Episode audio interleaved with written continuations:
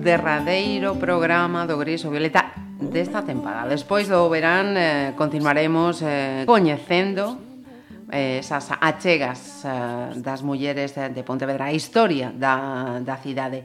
Imos facer un resumo desta primeira tempada Eh, eu diría que co principal artífice deste proxecto, Lois Bará, benvido de novo. Hola, benvido. Por sorte este é un traballo en equipo, uh -huh. que temos un grupo de persoas traballando pois moi competente e sobre todo moi comprometido, non? Que para este tipo de proxectos é fundamental uh -huh. que a xente se implique neles e que os viva e que sinta esa paixón, porque esa maneira tamén de abrir as portas das casas uh -huh. e que as familias nos entreguen as súas vidas, as súas memorias, as súas fotografías, non? E, e nos deixen tamén expoñelas na praza pública e dalas a coñecer. Uh -huh.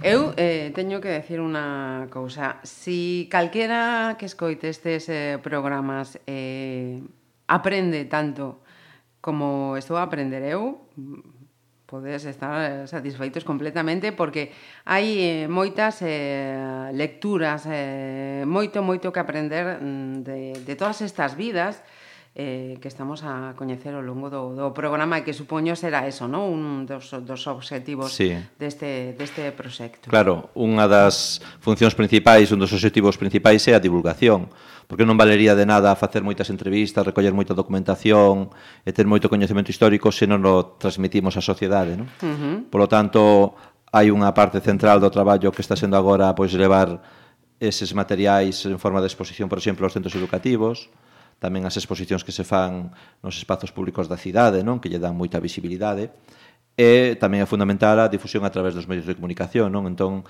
a verdade é que nos dá moita satisfacción e tamén moito retorno ese tipo de programas radiofónicos porque chega moita xente e é un formato tamén que nos axuda a divulgar dunha maneira tamén máis amena uh -huh. estes contidos. Eh, unha pregunta, porque mm, Quizá é precisamente por estar a traballar neste proxecto do, do gris a, o violeta na, na parte que non se eh, corresponde a Pontevedra Viva, pero eh, eu penso que o, o número de, de, de biografías de, de, de mulleres que, que deixaron eh, a súa pegada na, na historia da cidade é moi importante. Isto é porque eh, por un motivo que, que es esa. Pontevedra ten algo especial ou é eh, que non hai traballos como este para coñecer realmente o, o papel e a historia das sí. mulleres de, de, de las cidades. Bueno, eu non coñezo así en detalle o que é a historia de outras cidades, pero eu teño un pouco a a sensación de que é un problema de que non se pon o foco, de non, que non se presta atención, moitas veces por o traballo dos historiadores que teñen enfoques así máis centrados na, na participación e no protagonismo masculino, non se pon o foco no que foi a chega das mulleres, non? E que xa desde a Idade Media pois tiveron moito protagonismo social a pesar de, de todos os condicionamentos, non? Por lo tanto, trátase de, de emprender o traballo e de descubrir todas esas biografías e de repente estamos encontrándonos moitas máis das que esperábamos, uh -huh. tanto nos perfís desas mulleres eh, máis pioneiras ou creadoras ou que destacaron en, en ámbitos da cultura ou da ciencia ou do saber, como tamén das mulleres do común, das mulleres traballadoras, das mulleres máis humildes que teñen a veces biografías que son impresionantes e que merece a pena ser coñecidas, uh -huh. non? Ademais que foron mulleres que, digamos, que sacaron adiante o país, non? Co seu uh -huh. traballo, co seu esforzo, co seu uh -huh. sacrificio, sen dereitos e sen horarios, traballando de sol a sol, e polo tanto que necesitan ese coñecemento e ese recoñecemento. Uh -huh. Hai eh, traballos, mulleres eh, anónimas, pero que, que facían de traballos eh, tremendamente duros. Eh. Eu nunca pensei que, que, que estas mulleres estarían a, a construir estradas, por claro. exemplo. Sí, o traballo nas canteiras, por exemplo, é moi pouco coñecido, pero hai moitas parroquias pontevedresas onde, onde permanece a memoria das uh -huh. mulleres que ían ás canteiras a desfacer a pedra para facer o morrullo, para facer as estradas, por exemplo, non que é un traballo moi moi femenino, a veces traballo de grande esforzo físico, como as estivadoras que traballaban nos peiraos uh -huh. descargando as mercadorías dos barcos, non? e así moitos outros oficios, oh, non? As entón, mariscadoras, claro, a... as mar... falamos eh, con Estrella, claro, por exemplo, claro, estes sí. días, sí. Ahora de que son verdadeiras heroínas, porque hai que ter en conta que a, aparte dese traballo que podía ser un traballo remunerado, a veces cuns horarios interminables, despois tiñan todo o traballo doméstico, o traballo da casa, o traballo do campo, uh -huh. a veces o traballo tamén de vir á cidade a traer mercadorías, a levarlle a comida aos seus parentes, homes, non? E renunciando moitas veces a moitos dereitos e a moitas oportunidades, non? Como uh -huh. a posibilidade de estudar. Polo tanto, o sacrificio e a, o compromiso e a chega das mulleres a, uh -huh. o avance social, o progreso, non está para nada recoñecido, foi... Uh -huh foi fundamental. Sí, porque había algunhas eh, delas que, que decían nestes eh, programas eu tiña irmáns, eles eh, poideron estudar, pero a mí uh -huh. ninguén eh, me, me preguntou se si podía estudiar porque era claro. muller, eh, eu tiña sí. outras cosas que, que facer xa por claro. feito de ser muller. Claro, ese, esa renuncia era parte xa do, das normas sociais, non? Nas casas cando había algún neno ou algunha nena que algún rapaz que que tiña cualidades ou que podía estudar, pois se era home podía facelo, se era muller uh -huh era extremadamente difícil, non? E hai algúns, algunhas excepcións, sobre todo do ámbito máis urbano, do ámbito máis da burguesía, pero ainda así as mulleres que foron á universidade contan que tiveron grandísimas dificultades para ir, e que ás veces, sobre todo, dificultades para facer carreiras que se entendían que eran carreiras masculinas. Non? Uh -huh. Parece que estaban encaminhadas a carreiras máis humanísticas ou máis de letras, cando querían facer algunha carreira de ciencias, realmente tiñan que vencer moitos obstáculos. Non? Uh -huh. Pero iso era no caso de, de familias de orixe máis urbana e máis burguesa. Sí. No caso das familias de, de orixe proletaria, eh, bueno, xa era...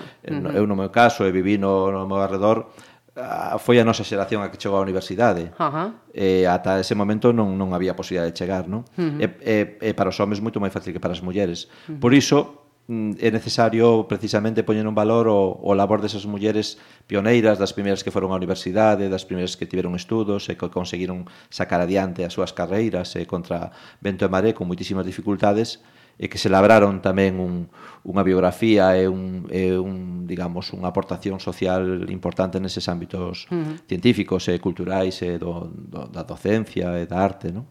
Eu eh, comentaba antes eh, ese matriarcado que se evidencia en Galicia e ti me correxías e decías mm, non é exactamente un matriarcado, claro. non? Mm, Gustaríame que sí. aclarases é que enténdese por matriarcado unha sociedade onde as mulleres teñen o poder, Eh, teñen, digamos, unha posición social predominante, non? E, e, e teñen capacidade de decisión e de intervención pública eh, tamén no, no ámbito económico.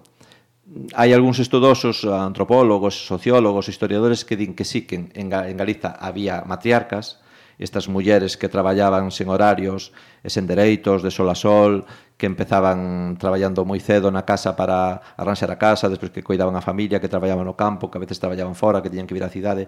Eses eran realmente mulleres matriarcas que tiñan que levar sobre os seus ombreiros o peso da, da familia, o peso da, da vida e da sociedade que sacaron uh -huh. o país adiante, pero non tiñan realmente o poder político, poder económico, poder social, porque ás veces non tiñan nin dereito a ser propietarias ou a alegar unha propiedade, a ardala, e polo tanto estaban nunha pos posición social de, de sumisión, non? En uh -huh. canto a, a eses niveis de, de poder, non? Entón, eu creo que son dous conceptos diferentes, o matriarcado, unha sociedade matriarcal e unha sociedade na que as mulleres teñen capacidade de decisión e de intervención social, incluso están nos, nos postos directivos, que é algo que aínda se está reivindicando uh -huh, hoxe sí.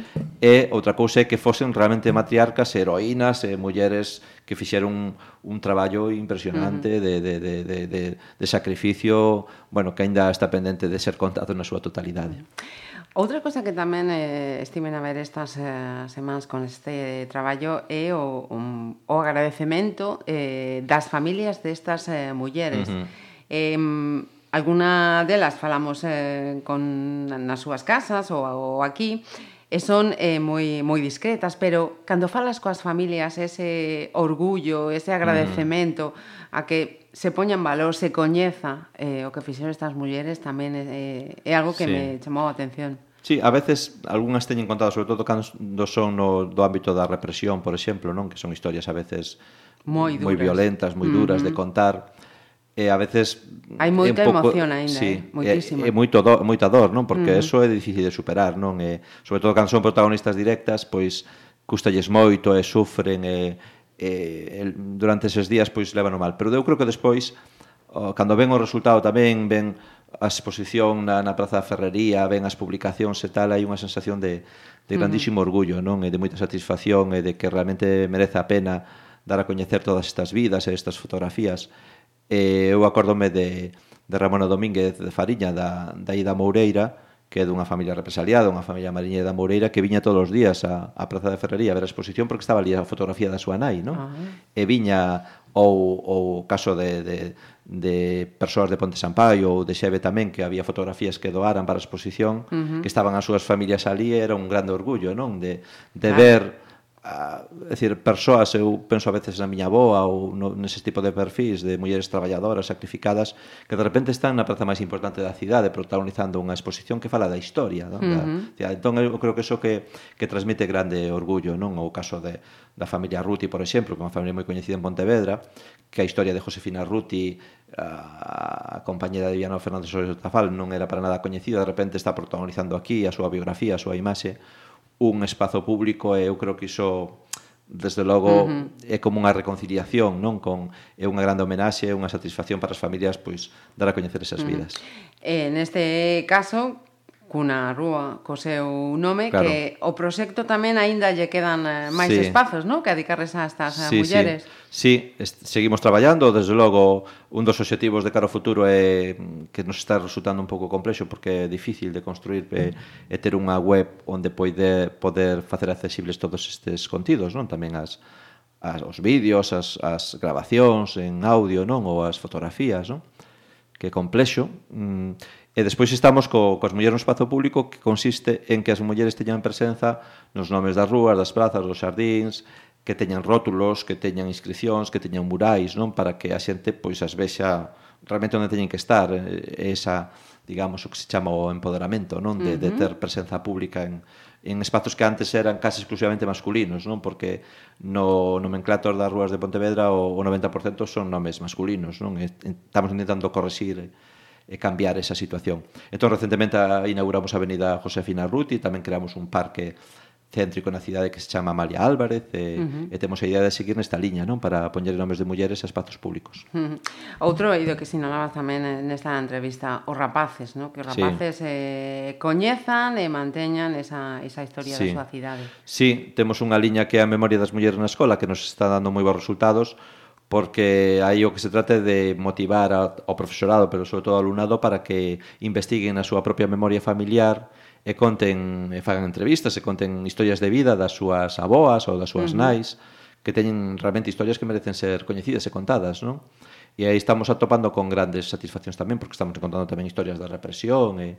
Entón, de cara ao próximo curso, un dos obxectivos é conseguir implicar a máis centros educativos e tamén intentar facer un, un programa que se chama das, eh, libros vivos ou bibliotecas viventes que levar a persoas, en vez de libros, a, a persoas uh -huh. que conten as súas historias de vida uh -huh. para dar a coñecer tanto que son uh -huh. oficios como actividades que se facían antes e agora non son tal ou ou mesmo tamén historias da represión, non? Que, uh -huh. que hai aínda protagonistas que están vivas que non os poden contar. Uh -huh. eh, tamén está a ter, eh, o comentabas, eh, que, por exemplo, a exposición, non? Están a, a pedir dende fora de Pontevedra. Sí.